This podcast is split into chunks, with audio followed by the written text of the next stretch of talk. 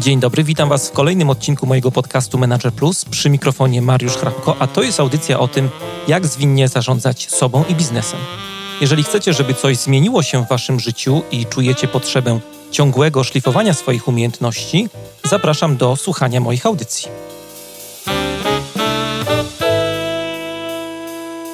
To jest podcast Manager Plus. Dzisiaj w audycji będziemy rozmawiali o wyzwaniach, przed którymi stoją współcześni liderzy. To jest taki temat, który wraca w naszej audycji jak bumerang ostatnio, ale też dlatego, że pytacie o to w mailach, pytacie o różne dobre praktyki, jak się odnaleźć w tych niepewnych czasach, będąc liderem. No i z tej okazji do programu zaprosiłem dzisiaj e, doktora Witolda Jankowskiego, jednego z bardziej doświadczonych konsultantów strategicznych w Europie prezesa ICANN Institute, który od ponad 20 lat prowadzi programy rozwojowe dla top menedżerów w Polsce. Witoldzie, witam cię bardzo serdecznie. Witam bardzo serdecznie, miło mi. E, powiedz na początek e, naszym słuchaczom, tak od razu nie będziemy przechodzić do tych takich twardych, grubych tematów. Kim chciałeś zostać, jak byłeś dzieckiem? No powiem szczerze, że takiego planu na to, kim chcę być, przez długo nie mhm. miałem. I nie wiem, czy to nawet jest dobre, gdy ktoś za wcześnie wie, kim chciałby być i się zafiksuje na jakąś karierę, gdzie niekoniecznie ona jest, jest karierą a do zrealizowania. Mhm. Widzimy na przykład osoby w takich bardzo konkurencyjnych zawodach typu y, muzyk, malarz, y, artysta, gdzie no, mamy zjawisko winner takes all, czyli bardzo niewielka grupa osób osiąga spektakularny sukces, nazwijmy to w cudzysłowie, finansowy, prestiżowy i inny, a osoby niewiele gorsze w sensie takiej obiektywnej oceny ich umiejętności już nie. Więc e, jak paradoksalnie, jak ktoś za wcześniej wie, co dokładnie chce robić, to niekoniecznie to jest dobre. Często jest takie stwierdzenie, podążaj za swoją pasją, za swoimi zainteresowaniami. Mhm. Co jeśli moja pasja jest w obszarze, w którym jestem słaby? Jeśli jestem niskiego wzrostu, mam 1,60 m wzrostu, no to koszykarzem wybitnym raczej nie zostanę. Mhm. Więc y, wydaje mi się, że lepszą formułą jest, aby zastanawiać się, gdzie jestem naturalnie dobry i odbierać takie sygnały i w momencie, kiedy się zaczyna nam klarować, to jest dobry moment, żeby y, myśleć o budowaniu kariery wokół tego. Ale to nie zawsze jest takie y, łatwe i proste. Ja miałem zawsze bardzo takie zróżnicowane zainteresowania. Z jednej strony czytałem bardzo dużo, pożerałem książki, interesowała mnie sztuka, literatura, film, teatr, historia, filozofia, więc ogólnie miałem taki głód wiedzy. Renesansowo tak bardziej. Takie trochę renesansowe, można, e, można powiedzieć. I dopiero gdzieś tam pod koniec liceum zacząłem się zastanawiać, jakie są dla mnie możliwe ścieżki kariery i wybrałem ścieżkę dziwną z historii, bo chciałem zostać reżyserem. Mhm. I nawet aplikowałem do łódzkiej szkoły filmowej i tam był taki złożony proces trzech etapów i ja doszedłem do tego ostatniego etapu, no ale iluś tam mi punktów zabrakło i tam się nie, nie dostałem. Miałem ofertę, żeby y, kontynuować edukację właśnie w tym, tej przestrzeni jako reżyser w Moskwie, tamtejszej szkole filmowej, no ale ponieważ moja rodzina ze strony ojca pochodzi z Kresów Wschodnich i poznała powiedzmy Sowiety w 1939 roku bardzo dobrze, więc ten, tamten kierunek mnie akurat niespecjalnie interesował. Więc e, no, poszedłem na studia ekonomiczne, no i potem powiedzmy, no, robiłem różne rzeczy i tak mówiąc w skrócie, yy, zrobiłem w końcu na koniec y, w Kanadzie doktorat i ta pierwsza część mojego życia zawodowego była związana, no można powiedzieć, z tą chęcią wiedzy, zdobywania wiedzy, jakiejś łatwości absorpcji wiedzy i przekazywania tej, y, tej wiedzy jako nazwijmy to w cudzysłowie edukator, nie tylko konsument wiedzy, ale też osoba, która potrafi komunikować wiedzę, ale tam zabrakło mi z kolei przestrzeni takiej, że no środowisko akademickie jednak było dosyć takie schematyczne i brakowało mi tej praktyki ruchu w interesie kreacji. No i stworzyłem swoją firmę doradczą, no a potem jakby z tego mam drugi epizod emigracji, wróciłem do Polski i y, stworzyłem ICANN Institute. Ten on się inaczej nazywał, ale powiedzmy działamy już teraz ponad 20 lat i można powiedzieć, że ta kwestia bycia reżyserem w jakimś sensie e, wróciła, ale w zupełnie innej formie. To znaczy, jak pomyślimy o tworzeniu biznesu, no to dla mnie jest to praca twórcza. Dlaczego? No bo jednak jestem, można powiedzieć, demiurgiem, bo tworzę jakiś nowy byt, który poprzednio nie, nie istniał. Nie tworzę tylko w mojej głowie, ale muszę stworzyć go w realu, muszę stworzyć go w rzeczywistości. Rzadko kiedy wystarczy, żeby biznes był jednoosobowy. E, jeśli chcę stworzyć większy biznes, no to muszę zaangażować ludzi, więc wchodzę w tą, tą przestrzeń organizacji. No i powiedzmy, można powiedzieć, że reżyser też reżyseruje, to znaczy Dokładnie. zarządza ludźmi, decyduje kto, gdzie, jak, definiuje w ogóle skrypt, więc paradoksalnie można powiedzieć, że ta poprzednio jakby instynktowna droga, instynktownie wybierana droga wróciła do mnie, tylko w nieco innej e, formie. I być może to dla mnie nawet lepiej, niż gdybym poszedł poprzednią ścieżką. Oczywiście nigdy nie wiemy, co by było, gdyby, gdyby było, i więc kwestia taka definiowania żalu w kontekście decyzji już nie ma sensu. Nie ma sensu. A powiedz e, słuchaczom w paru słowach, co, co cię inspiruje w życiu? Masz jakichś swoich takich przewodników, mentorów, za którymi podążasz? Jakieś książki może, które cię szczególnie ukształtowały, do których wracasz? To może zacznę od książek, bo to powiedzmy zwykle jesteśmy kształtowani tak fundamentalnie, relatywnie wcześniej. Dla mnie wydaje mi się takim okresem definiującym w jakimś tam sensie, jak ja patrzę przynajmniej na świat, to jest jednak czas liceum i tam dla mnie były trzy ważne nazwiska.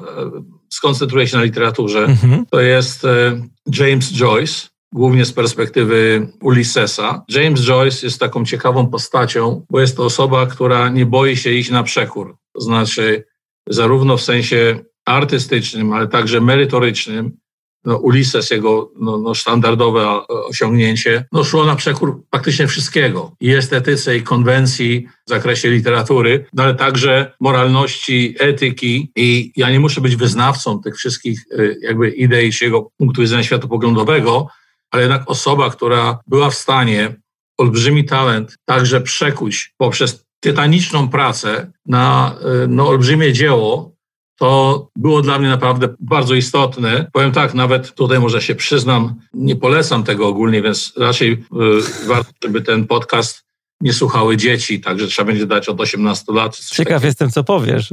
Okej. Okay. Taki suspens. Polowałem, bo y, w mojej rodzinie było tak, że ojciec dawał mi nieograniczony budżet na kupno książek. Mhm. I w czasie PRL-u, no jednak y, kupowanie książek było no, czymś istotnym. Ustawiały się kolejki przed księgarniami, przekupywało się y, osoby prowadzące księgarnie, różne rzeczy tam się... Były nowości, to dzwonili. Działy.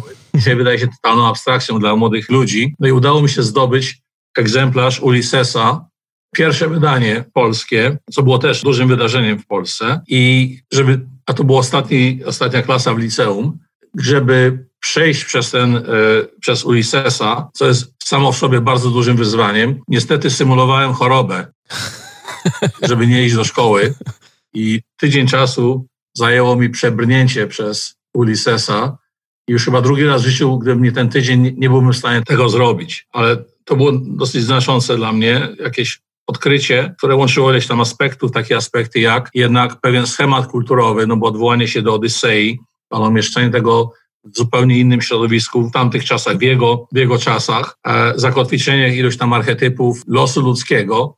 Wydaje mi się, że to było dla mnie przełomowe, nie, nie do końca wszystko było uświadomione. Ale przyznam się, że do dzisiejszego dnia wracam do fragmentów e, Ulyssesa. Drugie nazwisko to jest e, Dostojewski i Dostojewski to jest za siłę przewidywania i tak naprawdę jak poczytamy Dostojewskiego, szczególnie Biesy, to kwestia, e, kwestia rewolucji październikowej, potem terroru, zbrodni y, stalinowskich, to wszystko się układa w logiczną, w logiczną całość.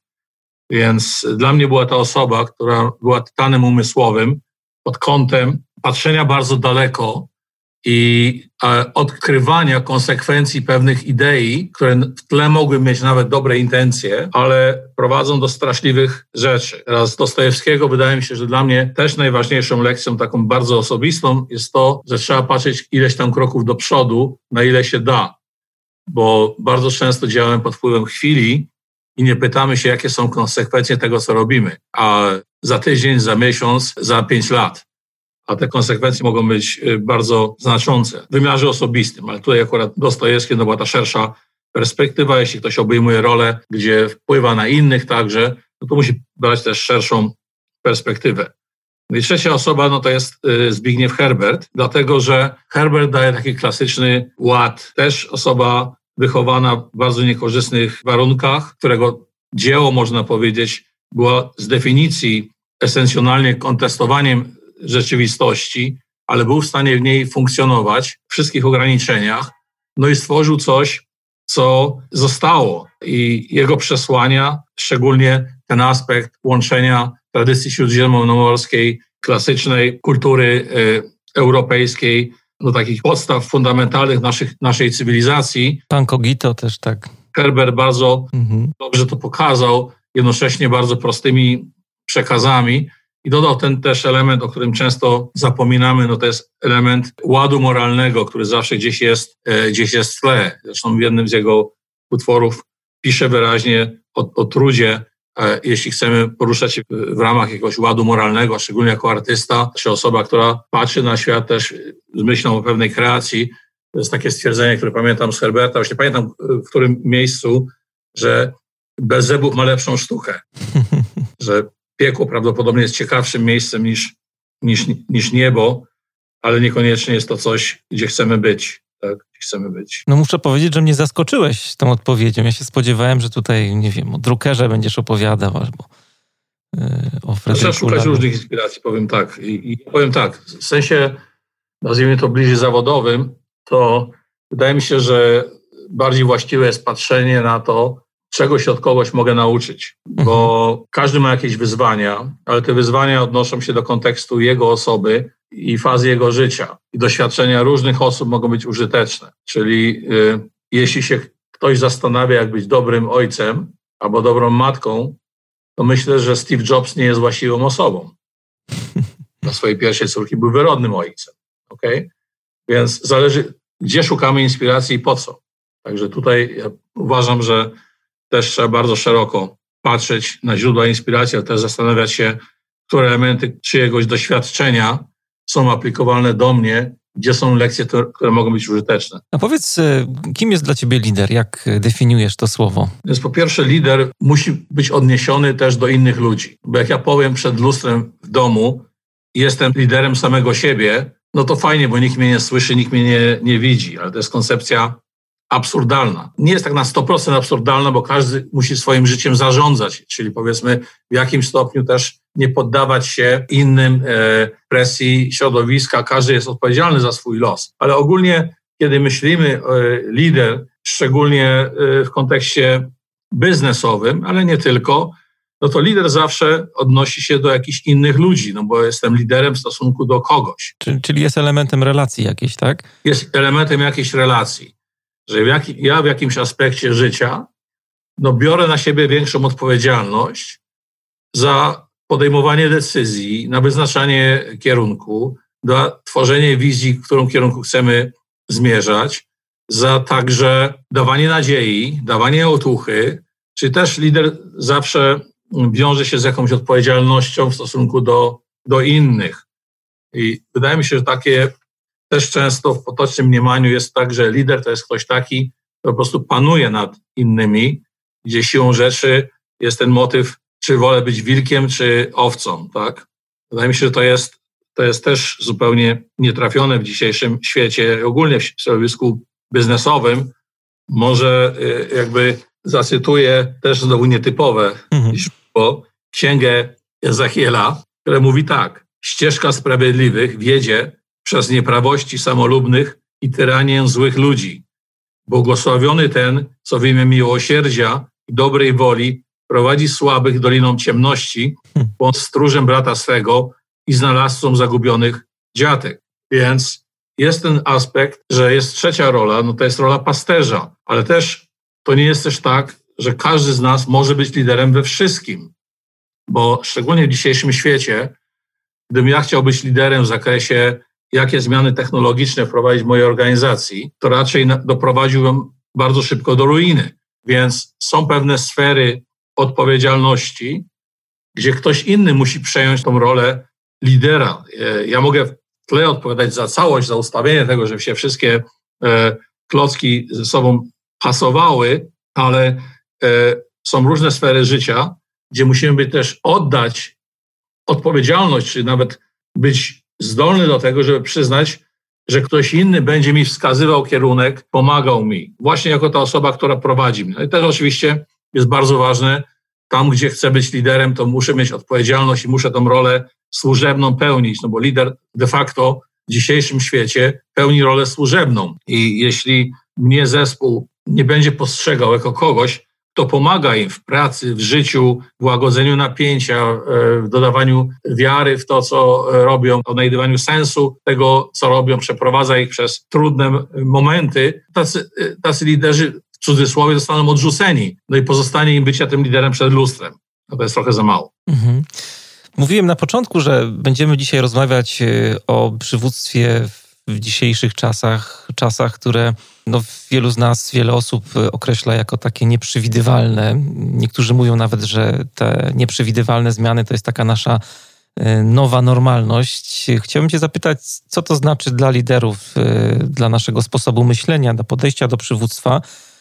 Czy jakby ten, ten punkt takiego odcięcia, którym właśnie teraz mamy. Niektórzy mówią, że wchodzimy już w taką erę postpandemiczną też, jeśli chodzi o e, myślenie nie tylko o przywództwie czy, czy zarządzaniu, ale w ogóle życiu.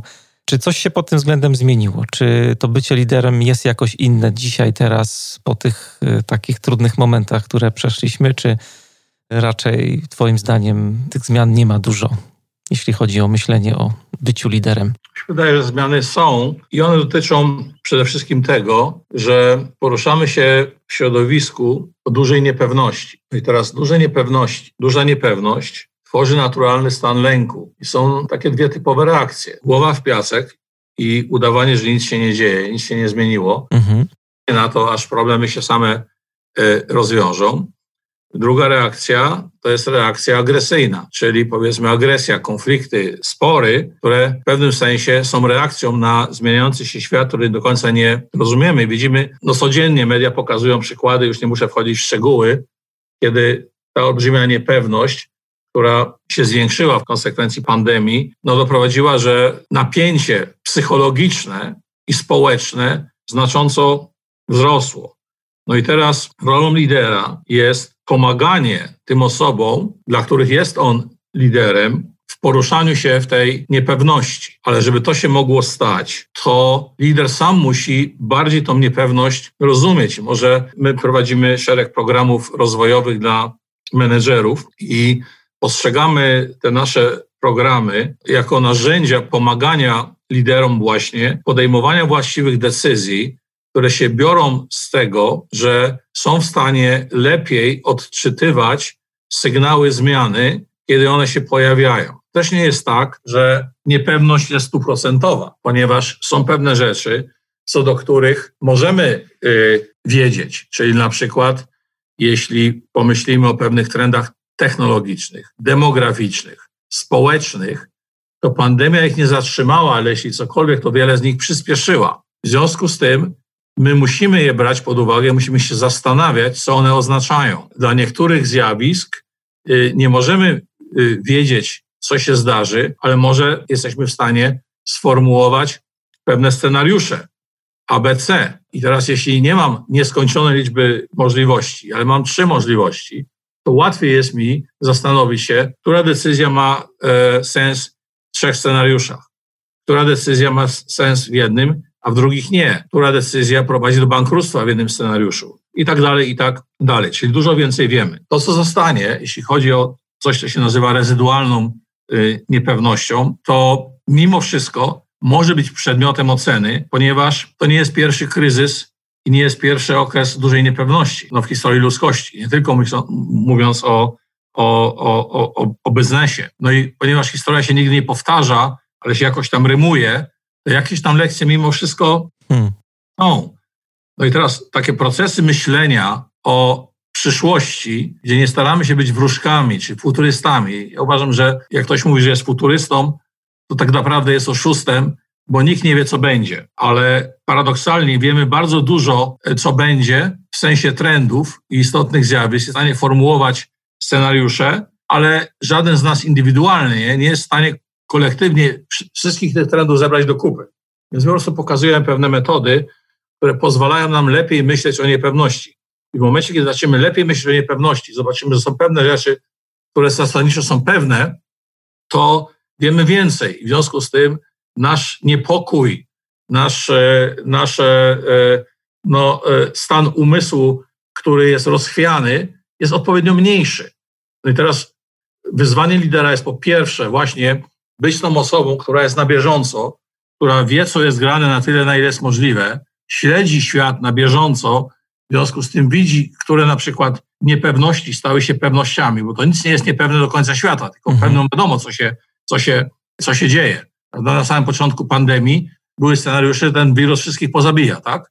No okazało się, że nie. Wiemy już dużo więcej. Jak wiemy dużo więcej, no to możemy wyciągać innego rodzaju wnioski. Czyli lider musi być bardzo orientowany na zewnątrz i samemu rozpocząć samego siebie, aby lepiej rozumieć, co jest grane.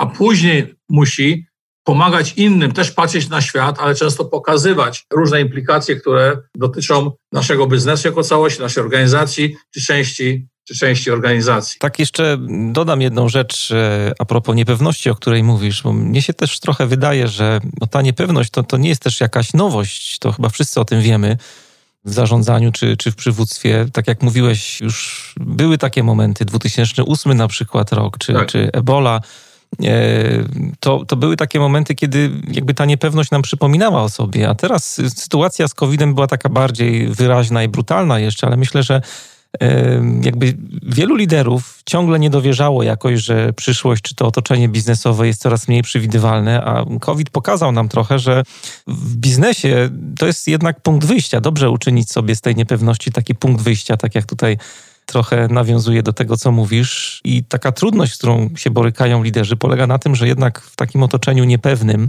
do tego jeszcze jak sobie dołożymy klocek w postaci złożoności, no to trudno jest e, w takim środowisku robić jakieś, no nie wiem, analogie do doświadczenia z przyszłości. Trudno jest myśleć tak, jak jesteśmy w biznesie przyzwyczajeni od lat do myślenia tak liniowo bardzo, nie? Jest przyczyna, skutek. Mm. I da się coś z tego wyprowadzić. Tutaj takie pytanie, które przy okazji tego, o czym mówiłeś, chciałbym Ci zadać, bo zajmujesz się jednym z Twoich obszarów takiej ekspertyzy jest y, strategia. Jak w tym wszystkim się odnaleźć od strony strategii, myślenia o strategii? Czy w ogóle ma sens myślenie o budowaniu jakiejś takiej solidnej strategii, no skoro jest taki niepewny czas, skoro żyjemy w czasach y, niepewności? Trochę już o tym powiedziałeś, ale moglibyśmy to jeszcze tak klamrą spiąć dla słuchaczy. Wydaje mi się, że, że paradoksalnie niepewność zwiększa rangę posiadania strategii. Mhm. No bo jeśli ja nie wiem, gdzie chcę zmierzać, to każda droga mnie tam doprowadzi. Czyli albo poddaję się siłom zewnętrznym, które definiują moje życie i mój los, albo staram się tym procesem w jakimś stopniu sterować. Więc muszę dokonywać jakichś wyborów, ale oczywiście dzisiejszy świat jest tak złożony i ponieważ mamy środowisko niepewne, to muszę być także elastyczny. Czyli nie mogę sobie planować 5 lat do przodu, ale powinienem mieć wizję, może nawet 10 lat do przodu powinien mieć jakąś wizję, koncepcję, ale muszę też patrzeć bardzo blisko i cały czas testować i zastanawiać się, które z moich założeń, które były u źródła moich wyborów, przestały, straciły na aktualność, albo życie czy dowody z zewnątrz pokazują, że te założenia były nieprawdziwe, że to po prostu nie ma, nie ma sensu. W związku z tym dzisiejsze podejście do strategii oznacza, że ja muszę mieć krótsze cykle decyzyjne, przegląd strategii musi być dokonywany częściej, założenia muszą być kwestionowane także. Teraz, jak myślimy o strategii, to wiele osób zakłada, że strategia to jest plan, że ja sobie oznaczam, powiedzmy, plan i dzień po dniu, powiedzmy, ten plan realizuję. Do jakiegoś stopnia to jest, mhm. tylko do jakiegoś stopnia. Dlaczego? No bo strategia to jest też pewnego rodzaju hipoteza. Czyli co do nasza hipoteza? No weźmy przykład biznesowy. Jeśli ja obniżę ceny i dam więcej korzyści moim klientom, to oni kupią więcej.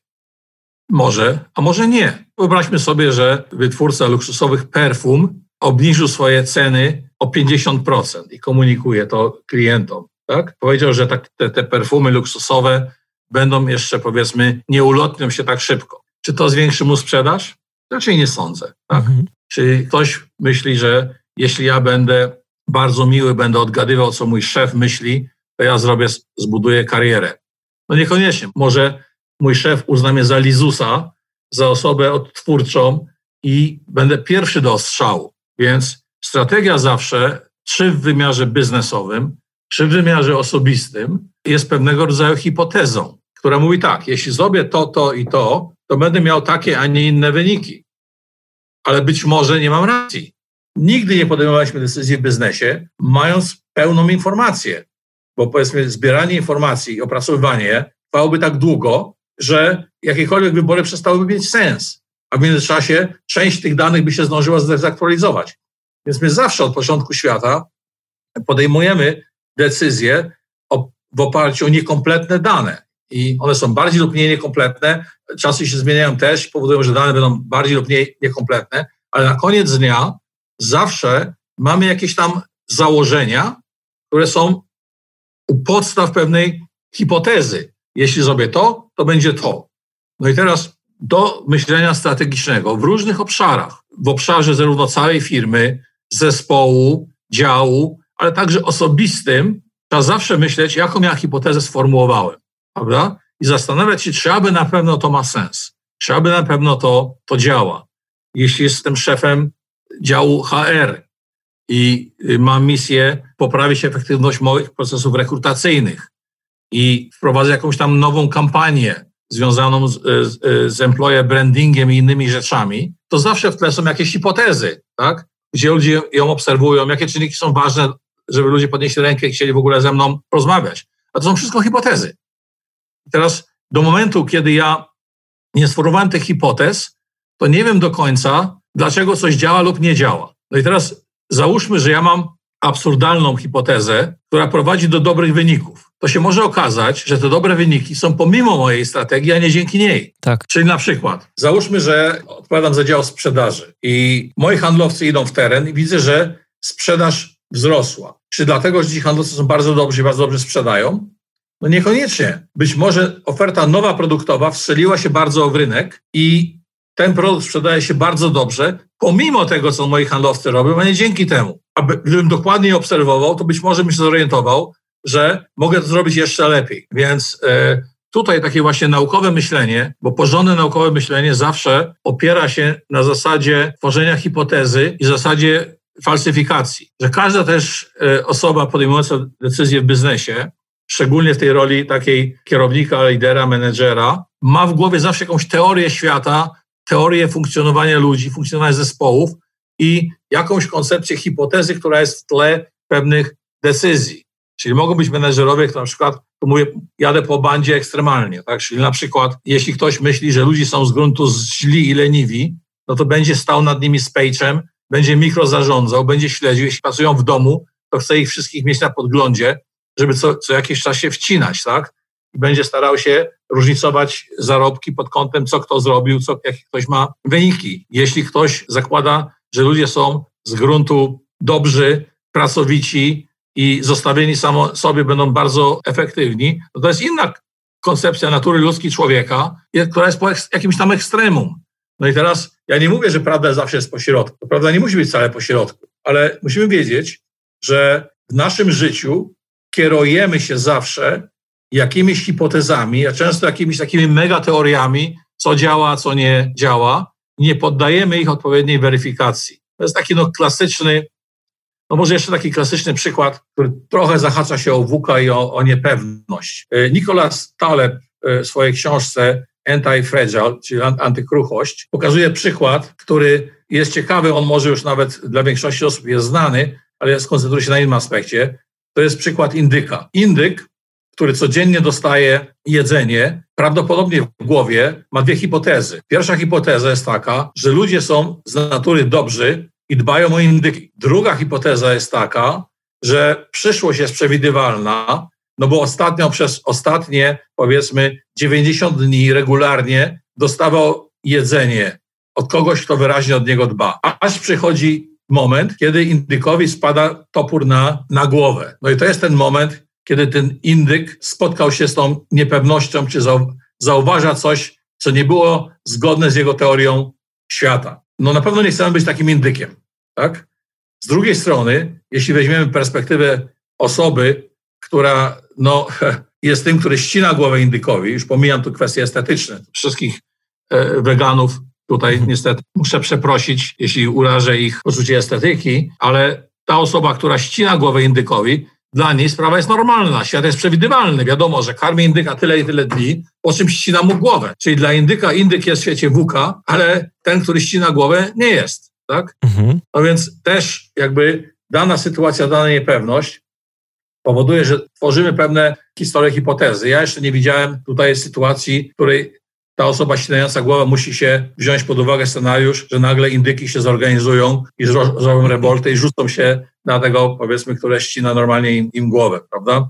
Więc, e, więc na, pewno, na pewno ta kwestia, wracając do, do strategii, gdzie my cały czas zastanawiamy się, jakie założenia, jaka teoria, hipoteza sobie weryfikujemy i od, odpowiednio się adaptujemy. W związku z tym my jako ludzie musimy być otwarci na, na zmianę. Wracając do tej koncepcji naukowo, e, naukowości, do naszego podejścia, prawdziwe naukowe e, podejście to jest takie, które szuka dowodów, że coś nie działa. To jest tak zwana zasada falsyfikacji. Ja nie szukam dowodów, że mam rację. Natura ludzka mówi, że jako ludzie, i to jest niestety coś, z czym musimy walczyć, raczej szukamy dowodu na, na nasz geniusz, na to, że nasze decyzje miały sens, a nie szukamy aktywnie dowodów, że być może nie mieliśmy racji. A tak naprawdę powodem zmiany, im szybsza ta zmiana jest lepsza, jest dowód, że coś nie działa. Ale my tego dowodu nie dostaniemy, jeśli sami go nie szukamy, czyli nie definiujemy, co musiałoby się stać, abym ja musiał zmienić moje założenia, a w związku z tym moją hipotezę, a w związku z tym moją strategię. No i oczywiście to oznacza, że jako człowiek e, muszę być zdolny do, do patrzenia na świat w ten sposób, muszę uczyć moje zespoły takiego myślenia,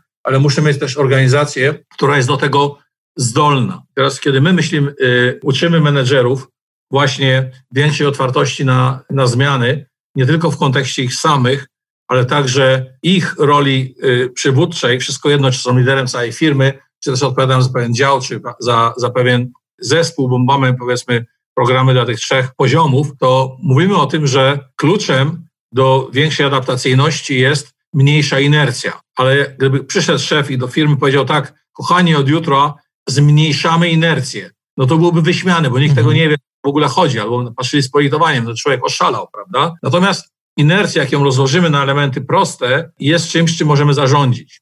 Są takie trzy elementy, które składają się na ogólną inercję. Pierwszy element jest taki, że ja nie wiem, co zmienić. Nie mam wiedzy po prostu. Teraz, jeśli ja jestem, powiedzmy, świat się zmienia, ale nie wiem, na czym ta zmiana polega, no to dlaczego mam się zmieniać? I dlatego ta pierwsza część mojego wyzwania, jeśli chcę przełamać inercję i chcę działać szybko, adaptacyjnie, odpowiadać na, na wyzwania, które pojawiają się przed, przed nami, to ja muszę wiedzieć, co jest grane na tyle, na, na ile jest to możliwe. To jest to, co mówiliśmy wcześniej, czy obserwowania świata na, na zewnątrz. Muszę także jako lider komunikować tą wiedzę, ale też zachęcać innych, żeby oni też szukali źródeł informacji, wiedzy, co w ogóle jest grane. Czyli pierwsze wyzwanie jest takie, żeby wiedzieć, co jest grane. Czyli jeśli ja wiem, co jest grane, to ja nie mam już jednej, jednego elementu inercji, nie mam powodu trzymać się status quo. Drugi wymiar inercji to jest tak zwana inercja działania. Czyli ja wiem, co zmienić, ale nie jestem w stanie tego zrobić. Dlaczego nie jestem w stanie tego zrobić? No dlatego na przykład, że w mojej organizacji budżety robimy raz na rok i ja mam ciekawy pomysł, ale który wymaga dodatkowych pieniędzy, a być może jakieś inne projekty straciły aktualność, ale nie da się tym ludziom już tych pieniędzy zabrać, oni sami tych forsy nie oddadzą. I może być organizacja, która nie jest zdolna do działania. Wiele organizacji cierpi na przykład na silosowość. Tak. Że żeby odnieść sukces rynkowy, dział marketingu i sprzedaży muszą pracować razem. A często nie pracują razem. Dział IT i dział e, HR muszą pracować razem. Notabene miałem niedawno spotkanie z dyrektorami HR-u, no i wyszło z naszej rozmowy i oni się z tym zgodzili, że obecnie najważniejszym partnerstwem działu HR staje się dział IT. I ogólnie te działy unikały siebie, to byli bardzo różni ludzie, są różni ludzie, e, ale dzisiaj muszą zacząć pracować, e, zacząć pracować razem. razem. To więc ten drugi wymiar to jest zdolność do działania. Czy jestem w stanie działać? Czy jestem w stanie, co mnie blokuje w zakresie mojej zdolności do, e, do, do działania? W życiu osobistym często blokują mnie modele mentalne, jak patrzę na świat. I dlatego też warto kwestionować jak w ogóle jest świat, czy moja koncepcja, jak świat działa, też się nie powinna zmieniać. Ale trzeci element inercji to jest inercja, tak zwana inercja wolicjonalna albo inercja woli, która dotyczy sytuacji, kiedy ja wiem, co zmienić, jestem w stanie to zrobić, ale tego nie robię. No i e, ile jest takich sytuacji, kiedy ja wiedziałem, co zmienić, byłem w stanie tego zrobić, ale tego nie zrobiłem, bo brakło mi siły woli, brakło mi tej energii, żeby to zrobić. Determinacji, tak? Wiary w siebie, że myślałem sobie, no to jest świetny pomysł, ale dla kogoś innego niż dla mnie. To jest taka stara zasada. Było takich trzech komików, tutaj wracam do tych moich zainteresowań filmem, mhm. y, kina niemego, to byli bracia Marx. Było takich trzech braci. Jeden z nich nazywał się Gaucho Marx. Odnieśli spektakularny sukces finansowy. Dostali się bardzo zamożnymi y, y, ludźmi i y, Gaucho Marx unikał jak ognia różnego rodzaju wywiadów i unikał także różnego rodzaju takich klubów. Jako osoba bardzo zamożna mógłby bez problemu członkiem być jakichś klubów ekskluzywnych, ale on tego nie robił. No i w końcu jakiemuś dziennikarzowi udało się podstępem y, y, zaatakować go, dorwać do niego, który zadał mu pytanie bardzo proste. Jak to jest, że pan taki człowiek e, zamożny, nie należy pan do żadnych klubów? A on powiedział, nie chcę należeć do takiego klubu, który miałby mnie za członka. I teraz bardzo często przychodzi nam do głowy jakiś pomysł.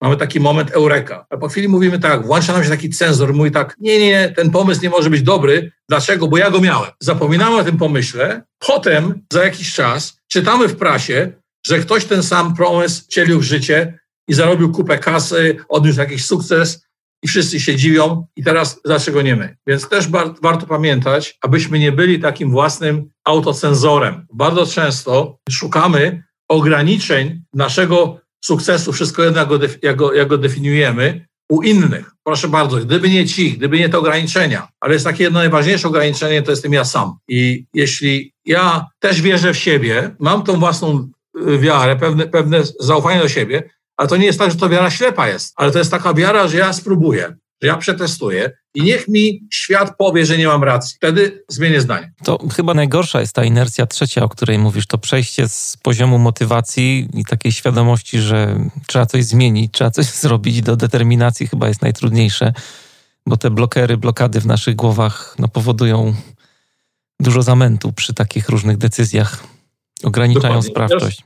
To się na przykład spotykamy bardzo często i wielu menedżerów pracujących dla korporacji to często tak na marginesie mówi, no ja już nie mam zdrowia do życia tej korporacji, to powiedzmy idę do miejsca, jakbym, szedł, jakbym był galernikiem. Nie daje mi to żadnej przyjemności, żadnej satysfakcji. Chciałbym stworzyć swój biznes, żeby być panem samego siebie. No i teraz, czy powinniśmy doradzać takiej osobie, żeby otworzyła własną firmę? Moja odpowiedź jest nie. Nie bez przetestowania. Nie zwalniaj się z pracy, tylko zacznij robić rzeczy, na pół etatu, czy na ćwierć etatu, czy na jedną dziesiątą, zrób coś małego. Paradoksalnie czasami nawet w firmie, która wydaje nam się opresyjna, są przestrzenie do wykazania się przedsiębiorczością. No bo przedsiębiorczość to co to oznacza? Że ja muszę być innowacyjny kreatorem, no bo nikt nie odniesie sukcesu w biznesie, jeśli będzie robił dokładnie to, co robią inni, bo to jest jakby krótka ścieżka, tak? Tam nie ma takiej e, przestrzeni. Czyli ja zawsze muszę zrobić coś nieco innego. Jak dużo, to jest inna, inna kwestia raczej nie, nie da się tego zrobić bez sprzedania tej idei. Czyli y, biznes bez klientów, no to sobie ciężko tak wyobrazić. Ale w korporacji ja mam potencjalnych klientów. Czyli jeśli ja w tej korporacji przyniosę pomysł na rozwiązanie problemu, który był bolączką do tej pory, albo rozwiązanie projektu, czy wzięć, wzięcia projektu trudnego, od którego ludzie uciekali a im dalej, tym lepiej, no to czym de facto stałem się? Stałem się przedsiębiorcą bez ponoszenia pewnych ryzyk. Bycie przedsiębiorcą to też nie jest tak, że to jest wszystko, że od razu powiedzmy na koniec dnia jest sukces. To jest bardzo trudny projekt i dlatego warto wierzyć w siebie, ale też sprawdzić, czy aby na pewno w tym jestem dobry, czy jestem w stanie to zrobić. Może się okazać, że po prostu moja kariera w tej organizacji doszła do, do ściany i może ja powin, powinienem pomyśleć o zmianie kariery. Może być, że moja rola, rola, w której jestem, też jest już niewłaściwa i może powinienem poszukać innej roli po prostu, w tej samej organizacji albo w innej i zdobyć nowe kwalifikacje. Ale nie jest powiedziane, że ja muszę zawsze być przedsiębiorcą. Więc wydaje mi się, że też podążanie za takimi pozornie łatwymi ścieżkami, bo, bo jest w tej chwili jest na świecie taki kult startupu. Każdy być starta, być, chce być startupowcem. Ja uważam, że to jest błąd, dlatego że większość startupów kończy się niepowodzeniem. Czy ja chcę zainwestować swoje pieniądze, pieniądze swoich bliskich, bo to często jest, wciągamy swoich bliskich i tam szukamy y, finansowania. No i naj, najważniejsze swoje życie, którego nikt nam nie odda, na coś, co, co nie jest zgodne z naszymi kompetencjami i z tym, czym jesteśmy dobrzy. Cieszę się, że o tym mówisz, bo ja jestem takim żywym dowodem na to, że nie można takich decyzji szybko podejmować.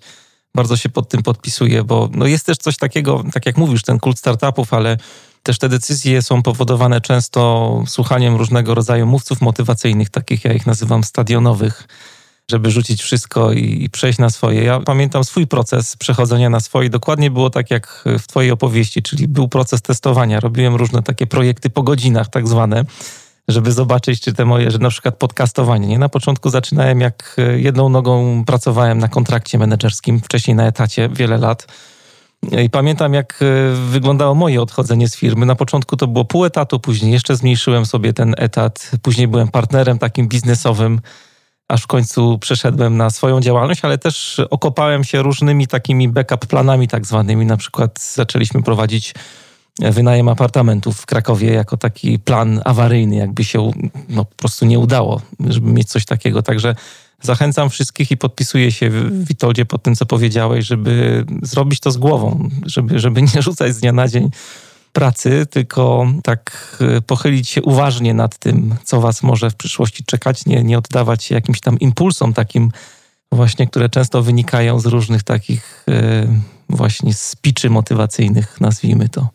Dokładnie. Jeszcze zwrócę uwagę na jedną rzecz jak wejdziemy na Amazona, czy nawet ktoś się wybierze do księgarni, mhm. książek pod hasłem Jak odniosłem sukces.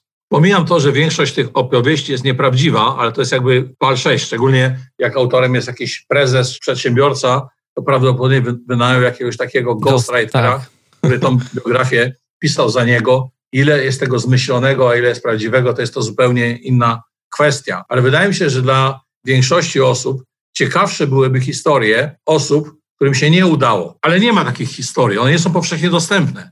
Czyli nie ma bestsellera na przykład, jak zmarnowałem oszczędności całego życia i zrujnowałem swoją tak, rodzinę. Tak. Okay? Wydaje mi się, że, że, że to powinno być bestsellerem, ale nie sądzę, żeby się dobrze sprzedawało też.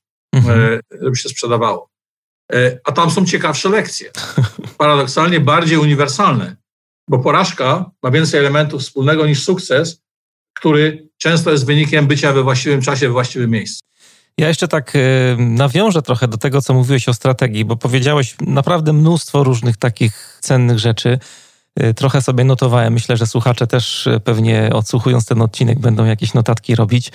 Jedna rzecz jest taka, co mi się bardzo podobało, to różnymi przykładami nakreśliłeś kontekst tej niepewności, tego, tego wszystkiego, co nazywamy tym takim pięknym akronimem odmienianym przez wszystkie przypadki dzisiaj WK, mianowicie, że jednak ta sytuacja, ten kontekst jest bardzo złożony. Ten przykład e, ze sprzedawcami, który podałeś, że być może oni byli dobrzy, ale może było tak, że rynek, otoczenie czy jakieś inne czynniki projektowe spowodowały, że się sprzedaż udała to pokazuje trochę, że nasza rzeczywistość, tak sobie w głowie to też układam, używając fizyki, bo tam to, to wszystko fajnie widać na tle historii, że jednak żyjemy w takim świecie falowym, trochę kwantowym, jeśli chodzi o zarządzanie dzisiaj. E, jest naprawdę mnóstwo różnych elementów, które wpływają na siebie, ale ciężko jest zdefiniować, który ten, ten, ten element był takim elementem, tak jak w Twoim przykładzie, który przełożył się na sukces sprzedażowy. Także rzeczywistość jest bardzo złożona i taką, y, taką reakcją czy, czy sposobem na poradzenia sobie z tym takim niepewnym światem jest to, czemu poświęciłeś dużo uwagi w swojej wypowiedzi, czyli kwestia pracy z eksperymentem. W ogóle ta, ta strategia, takie słowo, które mi przychodziło do głowy, jak ciebie słuchałem, to jest zwinność, to jest bycie agile, czyli tak jak opowiadałeś, to jest takie rozpoznawanie sytuacji trochę za pomocą no, ciągu różnych eksperymentów. Mówiłeś, że trzeba stawiać właśnie hipotezy, czy ciąg hipotez, później jakby planujemy jakiś eksperyment, zakładam, no i jest szybka weryfikacja tego eksperymentu. Jak nam się nie udaje, no to stawiamy kolejną hipotezę. E, I być może będziemy szli w zupełnie innym kierunku, jak na początku, jak tą pierwszą hipotezę przy myśleniu o strategii y, postawiliśmy. Dokładnie tak. Jeszcze dodam taką, w marketingu e, jest taka koncepcja, ona się wywodzi z marketingu bezpośredniego, y, mhm. the mail. Po angielsku brzmi to, to, to, twórcą tej takiej osoba, która ukuła to stwierdzenie, to jest już nieżyjący Gary Halbert, taki guru copywritingu, marketingu bezpośrednim, który powiedział tak, you can't multiply zeros. Czyli jeśli testujesz coś i pies kulawą nogą nie jest zainteresowany tą ofertą, w dzisiejszym czasie to nawet nie musisz dawać konkretnej oferty, czy na twojego maila nikt nie kliknął, a jak kliknął, to nic dalej się z tym nie stało, to jak odpowiedź jest zero, to znaczy, że prawdopodobnie to nie działa. Natomiast jeśli coś pokazuje pewien puls, że może to nie, nie pokazuje ci, że to już jest to, ale jest to jakoś receptywne, coś się dzieje, ktoś zwrócił uwagę, to teraz iteracyjnie musisz jakby zrobić taki fine tuning, dopasowywać iteracyjnie, modyfikować. Prawda? Ale jeśli na przykład świat mówi ci, że to zdecydowanie jest nie tak, to brnięcie na przekór tej informacji zwrotnej jest kolosalnym błędem. Często się, jest też taki kult dążenia do sukcesu za wszelką cenę, że on powiedzmy przez 10 lat coś tam próbował i walczył o to i na koniec jest jakieś wielkie przełamanie. To coraz rzadziej tak się zdarza. Czym inny jest horyzont planistyczny, że pewne idee zabierają czas, a jeśli coś mamy dowody, że to nie działa, to prawdopodobnie to nie działa. Czasami jest tak, że może timing był, był zły, że każda idea, każda koncepcja wymaga odpowiedniego czasu, ale też na siłę wciskanie jej, kiedy rynek nie jest na to gotowy, czy świat nie jest na to e, gotowy, nie jest właściwym y, podejściem. Czyli taki kult wytrwałości, dążenia do określenia wybranego raz celu i teraz na siłę dążenia do tego celu, moim zdaniem jest drogą na manowce. Bo co jeśli ten cel został źle wybrany? I ja uważam, że w takim wypadku ważniejsze jest, żeby zmienić ten cel i szukać innych sposobów, mieć inne cele, tak? Mhm. No ja y, chciałem być y, relatywnie jako młoda osoba pianistą i pole na tym pianinie. Ale grasz jeszcze pewnie, tak? Chociażbym ja nie wiem, co zrobił, to, to jest droga donikąd, tak? Mhm. Do y, tego myślenia o strategii jeszcze, tak y, jak się przygotowywałem do naszej rozmowy, to trafiłem na artykuł, zdaje się, że w ostatnim numerze Harvard Business Review, y, człowieka, który się nazywa Peter Skoblik i on stoi właśnie za taką firmą Event Horizon Strategies, czyli jakby robią to, o czym tutaj mówisz, planują różne scenariusze, z klientami przyszłości. I on powiedział taką, taką rzecz, która bardzo mi tam zapadła w słowa. Cały artykuł bardzo fajny w ogóle jest, y, że z jednej strony trzeba, liderzy powinni mieć wyobraźnię, ale z drugiej strony też y, to jest trochę za mało, że trzeba mieć jest takie angielskie słowo, po polsku się go nie używa raczej, ale institutionalization of imagination. Czyli trzeba, trzeba tą wyobraźnię tak zinstytucjonalizować trochę, czyli trzeba nią mhm. żyć. Znaczy lider powinien jakby w myśleniu o, o strategii cały czas tej wyobraźni używać. To chyba tak można przetłumaczyć. Nie? No dokładnie tak, no bo też jakby każda strategia też ma jakiś element twórczy. Dlaczego? No bo świat się zmienia. W związku z tym ja muszę formułować nowe hipotezy i definiować nowe ścieżki realizacji swoich aspiracji. Więc wracamy do tego aspektu właśnie no, takiego trochę demiurgicznego, no, że powiedzmy, mimo wszystko ja też chcę kształtować rzeczywistość. Ja definiuję pewne trendy, formułuję hipotezy, ale no, kształtuję też swoich klientów, no bo powiedzmy, w jakimś sensie moje produkty, moje rozwiązania mają także moich klientów zmieniać, tak żeby oni lepiej realizowali swoje, swoje aspiracje. Powiedz na koniec, bo zbliżamy się już nieuchronnie do końca naszej rozmowy. Jaka jest przyszłość ICANN Institute?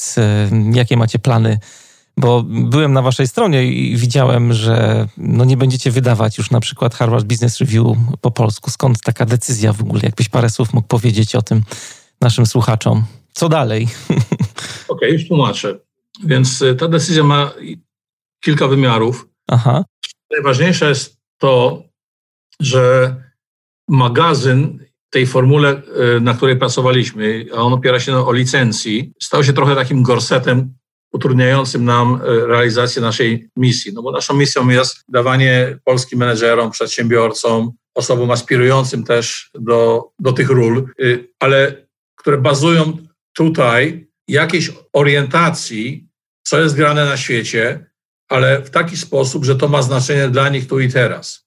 Mhm. Więc y, dla nas ten polski kontekst jest istotny, no bo jednak świat jest trochę Inaczej trochę jednak wygląda i to środowisko biznesowe w Stanach Zjednoczonych, a inaczej wygląda w Polsce. Ja nie mówię, że nie ma elementów wspólnych, ale są dosyć istotne e, różnice. Na, na przykład w ramach tej e, e, umowy licencyjnej mieliśmy 40% polskiego kontentu, a reszta musi być tłumaczeniami z wersji oryginalnej.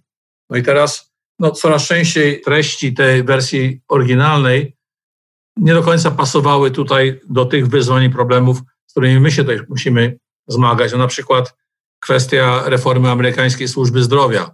No raczej to nie jest coś, co interesuje tutaj nas w Polsce, bo kontekst sytuacyjny, problemy, a jedna i druga służba zdrowia jest patologiczna. Tak, taka jest moja skromna y, opinia, ale powody, dla których jest, są zupełnie różne. Więc tamte rozwiązania i dyskusja mają się nijak do polskiej y, sytuacji. Także szereg innych rzeczy, jak na przykład kwestia no, y, dyskryminacji Afroamerykanów, no, widzimy to jako główne w tej chwili zagadnienie. No, to nie jest temat, który w Polsce jest tak, tak. z punktu widzenia decyzji. Temat na przykład ogólnie dyskryminacji może być istotny, no bo nie chcemy, e, dyskryminacja jest czymś bardzo złym, bardzo nagadnym, nie tylko z punktu widzenia etycznego, ale też z punktu widzenia pragmatycznego. Mhm. Jeśli chcemy na ten temat pisać, no to musimy pisać w warunkach polskich. I zaczęło nam od jakiegoś czasu po prostu brakować, w tych 60% szczególnie, treści, które moglibyśmy dać polskim czytelnikom, e, jako te, które mogą być pomocne w ich życiu, w ich, w ich karierach, a, a, a ramy licencyjne nie pozwalały nam, żeby na przykład e, wprowadzić autorów z innych ośrodków ciekawych, takich, takich jak na przykład Stanford University, Columbia School of e, Business, ponieważ no, licencja ma te dwa elementy. Więc to się stało no, takim dosyć krępującym Uciążliwym takim. Mhm. To jest czynnik związany z technologiami. Wydaje mi się, że technologie tak mocno przenikają świat i nasze życie, że potrzebujemy dużo więcej przestrzeni. No i e, e, wracając do samego Harvard Business Review, więc co zrobiliśmy? Wyjęliśmy tą polską część, która spełniała zawsze historycznie te najwyższe światowe standardy, zwiększyliśmy ją, wprowadziliśmy nowy tytuł na, na rynek, który się nazywa ICANN Management Review, gdzie mamy około 60% polskiego kontentu, ale 40% to jest content profesorów z całego świata, z najlepszych ośrodków, także ekspertów, firm doradczym, ale to my decydujemy, co tak naprawdę jest ważne i jest istotne. Z drugiej strony, jak patrzymy na tą część technologiczną, to e, ta część technologiczna najlepiej adresuje ją Massachusetts Institute of Technology, czyli MIT. I w zeszłym roku MIT zwrócił się do nas, do ICANN Institute, z propozycją, żebyśmy byli pierwszą w Europie organizacją, która będzie wydawać lokalną edycję MIT Sloan Management Review. I MIT Sloan Management Review to jest pismo, które jest bardzo ciekawe. To jest numer jeden swojej kategorii na świecie, które mówi o nowych technologiach, ale językiem nietechnologicznym, czyli językiem prezesa, członka zarządu, dyrektora działu, menedżera odpowiedzialnego za zespół, czyli przekłada technologię na język biznesu. Wydaje mi się też bardzo istotne, no bo dzisiaj prezesi muszą wiedzieć, co jest grane. Muszą być na, bieżąco z, technologiami, ale muszą też rozumieć, co te zmiany technologiczne oznaczają dla ich firmy, dla ich modelu biznesowego, dla ich strategii, dla całych szereg innych, innych czynników. No i powiedzmy w MIT Sloan mamy 50% treści z wersji oryginalnej, ale 50% to są treści związane z aplikacjami tych idei już w Polsce. Czyli mhm. wydaje mi się, że stworzyliśmy taki ciekawy pakiet, który dużo lepiej niż poprzednia formuła daje odpowiedź na nurtujące nas pytanie, jeśli traktujemy Polskę jako punkt wyjścia. I oczywiście to nie jest perspektywa prowincjonalna, bo ten aspekt światowy y, jest też istotny. I notabene sam Harvard nie znika z tego naszego pakietu, no bo na przykład w tym czerwcowym pakiecie, pakiecie, który będziemy teraz, który wyszedł z drukarni, będziemy wysyłać do naszych prenumeratorów, mamy aż teksty czterech autorów, profesorów Harvard Business School. Tylko my decydujemy, które treści są najbardziej istotne. Wybraliście niezależność po prostu. Mamy niezależność większą i, i swobodę redakcyjną. Mhm. Też, co jest istotne, zmienia się sposób konsumpcji treści. Oprócz druku chcemy treści w internecie, słuchamy podcastów, czego no nasza dzisiejsza rozmowa jest, jest dowodem, czyli e, zmieniamy naszą ofertę od po prostu jakichś dwóch drukowanych magazynów na rzecz takiego serwisu, który się nazywa ICANN Business Insight, gdzie subskrybent dostaje cały czas nowe, ciekawe treści, ale może też określić, jakich treści głównie poszukuje. To treści mogą być w formie artykułu i nie czekamy teraz na druk, tylko od razu wysyłamy, jak redakcja skończy pracę nad ciekawym tekstem, to od razu wysyłamy do naszej, do naszej bazy. Czyli tworzycie taką platformę społeczności trochę wokół tego, Taka co robicie. Platforma społeczności. Ta mhm. nasza społeczność to jest też ciekawa społeczność, więc y, tworzymy też, robiliśmy taki, taką przestrzeń networkingową, ale nie tylko tak klasycznie networkingowo, ale bardziej o wymianę informacji, insightów. Czyli na przykład, jeśli ktoś e, zmieniał swoją sprzedaż w kierunku bardziej sprzedaży zdalnej, gdzie nie chodzimy do klientów fizycznie, ale, ale spotykamy się na przykład z nimi na Zoomie, czy na Teamsach, czy jakiejś innej tam e, na jakiejś innej platformie, to jak to zrobić, jak, jak to zorganizować, żeby to dalej e, działało? I prosimy naszych subskrybentów, to coś takiego robił. I wybieramy na przykład pięciu z nich i oni opowiadają na webinarze, co oni zrobili, co im wyszło, co im nie wyszło. To wydaje mi się, że też jest bardzo wartościowe. To jest w ogóle, też mi się wydaje, że to jest przyszłość, e, nie tylko w zarządzaniu, ale w ogóle osadzenie tego wszystkiego na takich platformach społecznościowych. E, jest dużo meetupów różnych, ludzie się spotykają, community of practice w firmach, też się to różnie nazywa w każdej organizacji, e, ale to jest też taki trend bardzo związany z przyszłością i bardzo wam kibicuję, żeby się Dokładnie to rozkręciło tak. no jeszcze bardziej. Przeszkoliliśmy ponad 40 tysięcy menedżerów.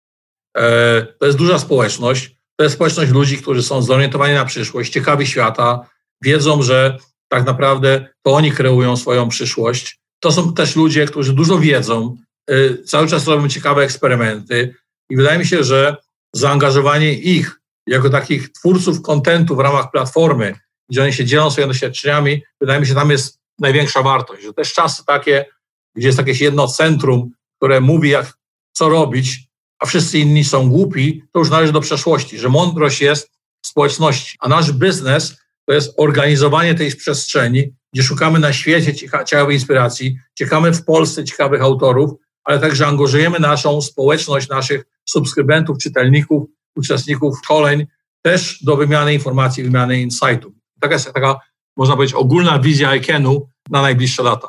Wszystkie linki tutaj, które się pojawiły pod, e, linkujemy oczywiście w materiałach do dzisiejszego odcinka. E, ja chciałbym Cię, Witoldzie, zapytać, e, czy masz jakąś myśl na pożegnanie, z którą chciałbyś zostawić naszych słuchaczy? No wydaje mi się, że tak. Po pierwsze, powinni myśleć cały czas o sobie takim jako nieskończonym projekcie, gdzie trzeba być otwartym i szukać, eksperymentować, żeby to zawsze było, było z nami ta kwestia wolicjonalna, czyli, czyli chęci do zmiany, w momencie jak będziemy eksperymentować, to łatwiej jest nam przełamać taką naturalną ludzką inercję.